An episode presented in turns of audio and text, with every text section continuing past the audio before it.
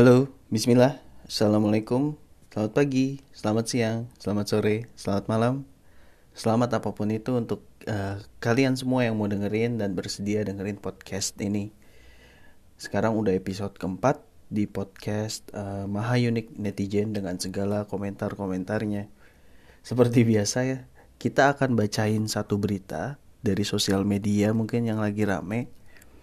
Setelah itu, uh, tapi kita bacain berita tapi yang menjadi konten atau uh, yang akan didiskusikan lebih lanjut adalah komentar-komentar di konten tersebut. Jadi komentar netizen tuh kadang-kadang emang suka ajaib-ajaib.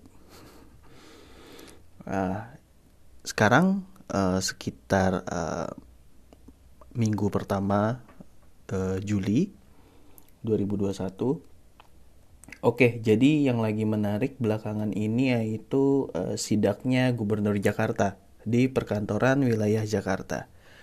Uh, kita bisa lihat di uh, tanggal 7 Juli 2021 di IG-nya Pak Anies, at Pak Anies Baswedan, cute selalu, yeah. nggak deh bercanda, cuma at Anies Baswedan. Jadi di situ uh, ada sekitar uh, 10 foto yang nunjukin Pak Anies sedang uh, menyidak kantor-kantor yang ada di Jakarta. Gue bacain captionnya ya. Pesan untuk semua yang bekerja di Jakarta. Tadi baru saja inspeksi gedung-gedung kantor di Jakarta bersama kepolisian, Satpol PP, dan Disnaker. Kami menemukan masih ada kantor-kantor yang uh, bukan sektor esensial atau kritikal, tapi masih tetap masuk bekerja atau esensial, tapi melebihi 50%. Ini bukan sekedar pelanggaran peraturan PPKM darurat yang dibuat pemerintah. Ini adalah pelanggaran atas tanggung jawab kemanusiaan. Kantor-kantor yang melanggar langsung kami segel. Ditutup kantornya, semua karyawannya dipulangkan untuk bekerja dari rumah dan pemilik atau manajer kantor diproses hukum oleh kepolisian. Sekali lagi, ini bukan soal aturan, bukan soal pasal-pasal, ini soal nyawa. Untuk melindungi sesama, melindungi saudara-saudara kita, melindungi pekerja yang bekerja untuk kita, jangan ada lagi pemilik dan petinggi perusahaan bisa WFH di rumah dengan aman, sementara pekerjanya diharuskan pergi dari rumah.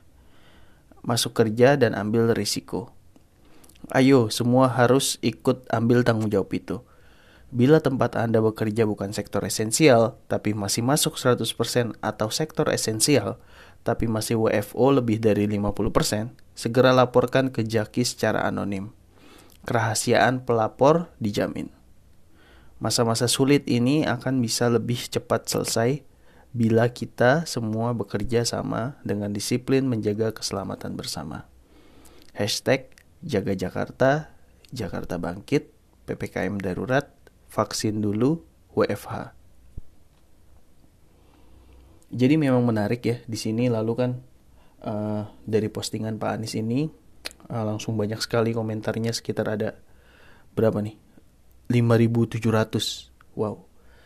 Uh, lalu timbullah uh, diskusi setelahnya uh, apakah ini hanya gimmick uh, dan segala macam.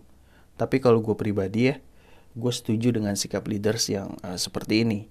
Jadi uh, yang menerapkan aturan, lalu dia walk the talk dengan aturannya. Dia menjalankan itu at day one. Jadi tindakan Pak Anies hari pertama saat ppkm darurat dilaksanakan langsung sidak itu akan memultiplikasi uh, ppkm di hari-hari ke depan. Jadi impactnya akan semakin berasa dengan uh, leaders hadir at day one seperti itu. Uh, seperti biasa kita tidak akan uh, berdiskusi banyak mengenai uh, kontennya, yaitu uh, Pak Anies sedang sidak, tapi kita coba cek ke kolom komentar. Gue udah menemukan beberapa komentar ajaib, yang salah satunya ada sekitar 6. Oke, kita langsung ke nomor satu. Yang pertama, Ed Anda Linda uh, dia bilang merata dong pak, daerah Tangerang masih aja ramai emot sedih. Kan beda ya. Ini gubernur Jakarta, mohon maaf, bukan wali kota Tangerang. Tapi sebenarnya Tangerang juga PPKM darurat ya. Coba kita googling deh. Tangerang PPKM darurat. Berita utamanya sih 10 jam yang lalu itu ada sih. Uh, memang ternyata kota Tangerang juga berlangsung PPKM dari Kompas pelanggar PPKM darurat di kota Tangerang langsung disidang di tempat. Jadi sebenarnya semua ya uh, Jabodetabek tuh kayaknya melakukan PPKM darurat mengikuti Jakarta sebagai kota-kota satelitnya. Pemerintah Kota Tangerang, Pemkot, bakal melakukan sidangan di tempat jika ada masyarakat yang melanggar aturan pemberlakuan pembatasan kegiatan masyarakat darurat, PPKM darurat. Wali Kota Tangerang Arif R. Wismansyah menyatakan jajarannya secara efektif melakukan persidangan di tempat mulai hari ini, Kamis 8 Juli 2021. Oke, berarti ternyata di Tangerang juga udah ada nih jadi juga sama melakukan sidak uh, apresiasi. Karena COVID ini kadang-kadang masih banyak aja yang bandel kalau nggak disidak ya. Oke, kita lanjut next ke komentar nomor 2. Ada komentar dari Ed Fazahiyah, jadi dari Mbak Faza. Uh, komentarnya adalah perhatiin deh di slide 1, Pak Anies nunjuk situasi paket lunjuk. Di slide 6, orang yang lagi ditegur secara tegas pun sama beliau ditunjuk pakai jempol. Hal kecil sih, tapi I mean dari segi value seorang pemimpin itu menunjukkan banget etikanya. Kita sama-sama disiplin yuk, bisa yuk uh, stay safe and healthy everyone. Uh, terus emot love. Setuju sih, jadi memang attitude Pak Anies sebagai leaders itu uh, bagus sekali walaupun beliau sedang marah gitu ya tapi nggak nggak keluar kata-kata kasar dan juga tetap stabil emosinya. Walaupun jarang-jarang kita lihat juga waktu ke kemarin itu nadanya meninggi sedikit. Atau uh, kalian bisa coba search itu di e-booknya juga udah banyak. Uh, itu Attitude is Everything bukunya Jeff Keller itu juga bagus banget untuk ningkatin uh, soft skill kita. Ternyata uh, etika kita perilaku kita itu akan uh, mengenerate atau uh, menjustifikasi kesuksesan kita. Menurut bukunya kira-kira gitu. Bukunya bagus. Uh, please uh, di, dibaca.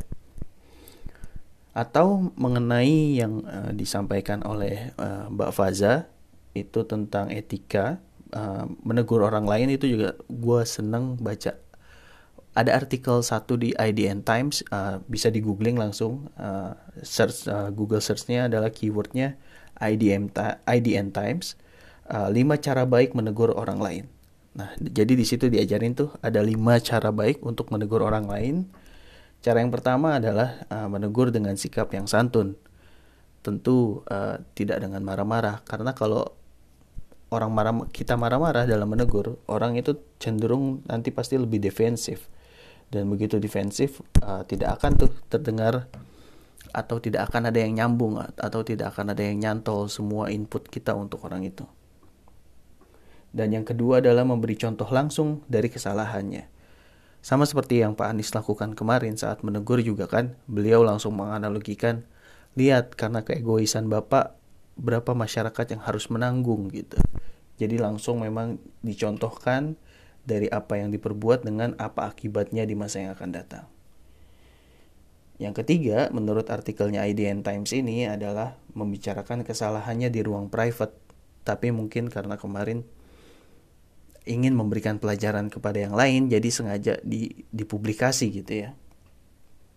Dan yang keempat, fokus pada kesalahan bukan pada persoalan lain, setuju banget jadi yang difokuskan adalah misalkan kemarin ada perusahaan properti yang ditegur oleh uh, Pak Gubernur lalu kan dia tidak jadi ke mana-mana. Itu sih gara-gara jual properti di daerah. Iya jadi nggak nyambung gitu apa yang diobrolin apa masalahnya dengan apa yang ditegur. Jadi nomor empat fokus pada kesalahannya. Kalau memang kesalahannya adalah menyuruh uh, karyawannya untuk WFO padahal sektornya adalah sektor properti which is uh, non essential dan non critical ya itu salah dan ditegurnya di ranah itu aja. Dan yang kelima adalah to the point langsung uh, tanpa perantara. Jadi cara menegur orang yang paling efektif adalah to the point. Nggak dengan gibah atau ngomongin dia di belakang tapi dia sendiri nggak tersampaikan message-nya apa yang ditegur tuh dari mananya. Oke okay guys, jadi itu adalah uh, komentar nomor 2 dari Ed Fazahiyah uh, bahwa uh, beliau mengapresiasi cara Pak Anies menegur uh, Pak Gubernur menegur uh, para pelanggar uh, PPKM darurat. Next kita ke nomor 3 dari Ed Rina Harun, mantap Pak Presiden. Terus uh, emot clap dua kali.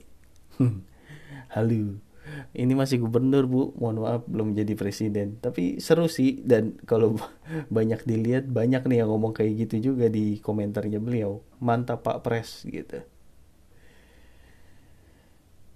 Gimana ya komentarnya? Daripada salah kita skip aja. Oke next ke nomor 4 at friendly pray. At friendly pray pakai a. Friendly pray uh, beliau bilang uh, komentarnya adalah definisi adil, tajamnya juga ke atas. Ya, setuju. Jadi memang kalau kita menganalogikan Pak Anies adalah seorang leaders yang adil uh, dan banyak juga uh, tajam ke atas. Walaupun mungkin banyak ya, banyak juga leaders di luar sana yang tajam ke atas tapi nggak ter terpublikasi dengan baik aja oleh media gitu. Tapi Pak Anies secara konsistensi secara konsisten uh, beliau uh, menjalankan uh, apa yang beliau sampaikan dulu waktu uh, itu ya.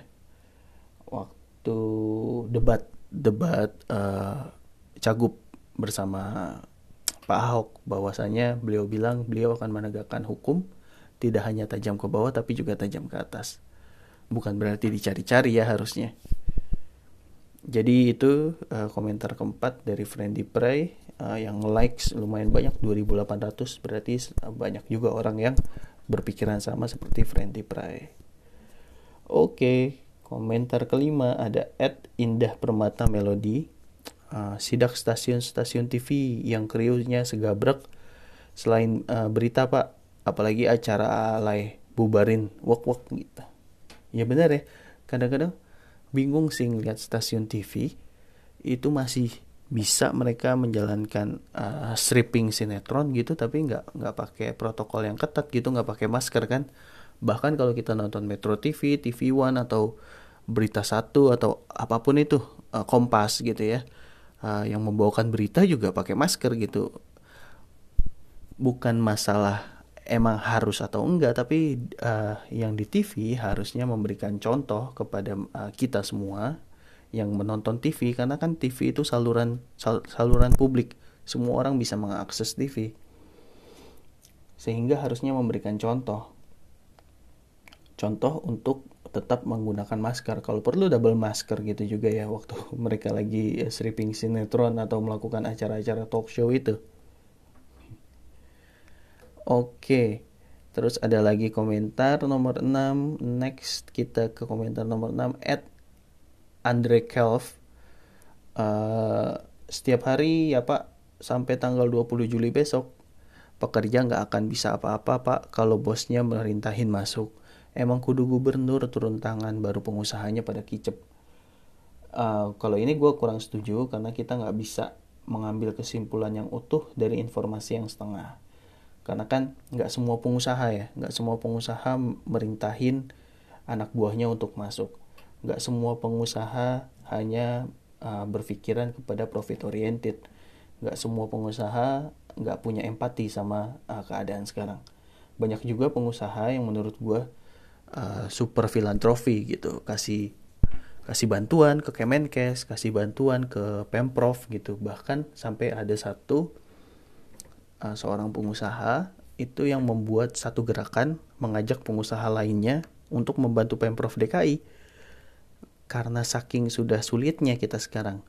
Jadi uh, ini mungkin akan membantu meringankan beban sih, beban pemerintah ya, regardless itu pemerintah daerah atau pemerintah pusat. tapi kalau kita bergotong royong gitu kita bangun satu gerakan yang notabene-nya itu akan membantu uh, menurunkan covid uh, itu apalagi datang dari pengusaha gitu itu juga harus kita apresiasi. Dan juga selain uh, 6 uh, berita ini sekarang nih lagi ramai juga mengenai masalah uh, ada satu sektor yang juga kemarin ditegur oleh Pak Anies ternyata sektor asuransi which is asuransi adalah salah satu uh, industri yang menurut uh, Pergub itu uh, esensial yaitu lembaga keuangan non bank ya karena kan asuransi. Nah, tapi jadi diskusinya di situ aja tuh. Di apakah ini penting apa enggak untuk ditutup? Sebenarnya jangan justru kita berdiskusinya sesempit itu ya. Harusnya kan kita juga diskusi secara kontekstual harusnya yang WFO itu sedikit sekali dan yang WFH lebih banyak. Tapi mungkin yang ditemukan kemarin, walaupun ada beberapa yang uh, kasih bukti katanya yang WFO sudah, walaupun sektor esensial sudah uh, kurang dari 50%, tapi sebenarnya mungkin bisa dikurangin, mungkin bisa diredam lagi uh, angkanya nggak segitu menurut Pak Anies. Oke okay guys, mungkin jadi itu dulu uh, untuk uh, podcast uh, episode keempat ini tentang Pak Anies dan PPKM darurat. Terima kasih banyak untuk kalian yang mau dengerin. Hope all is well bersama kalian dan keluarga. Terima kasih sekali lagi. Selamat pagi, selamat siang, selamat sore, selamat malam. Assalamualaikum warahmatullahi wabarakatuh.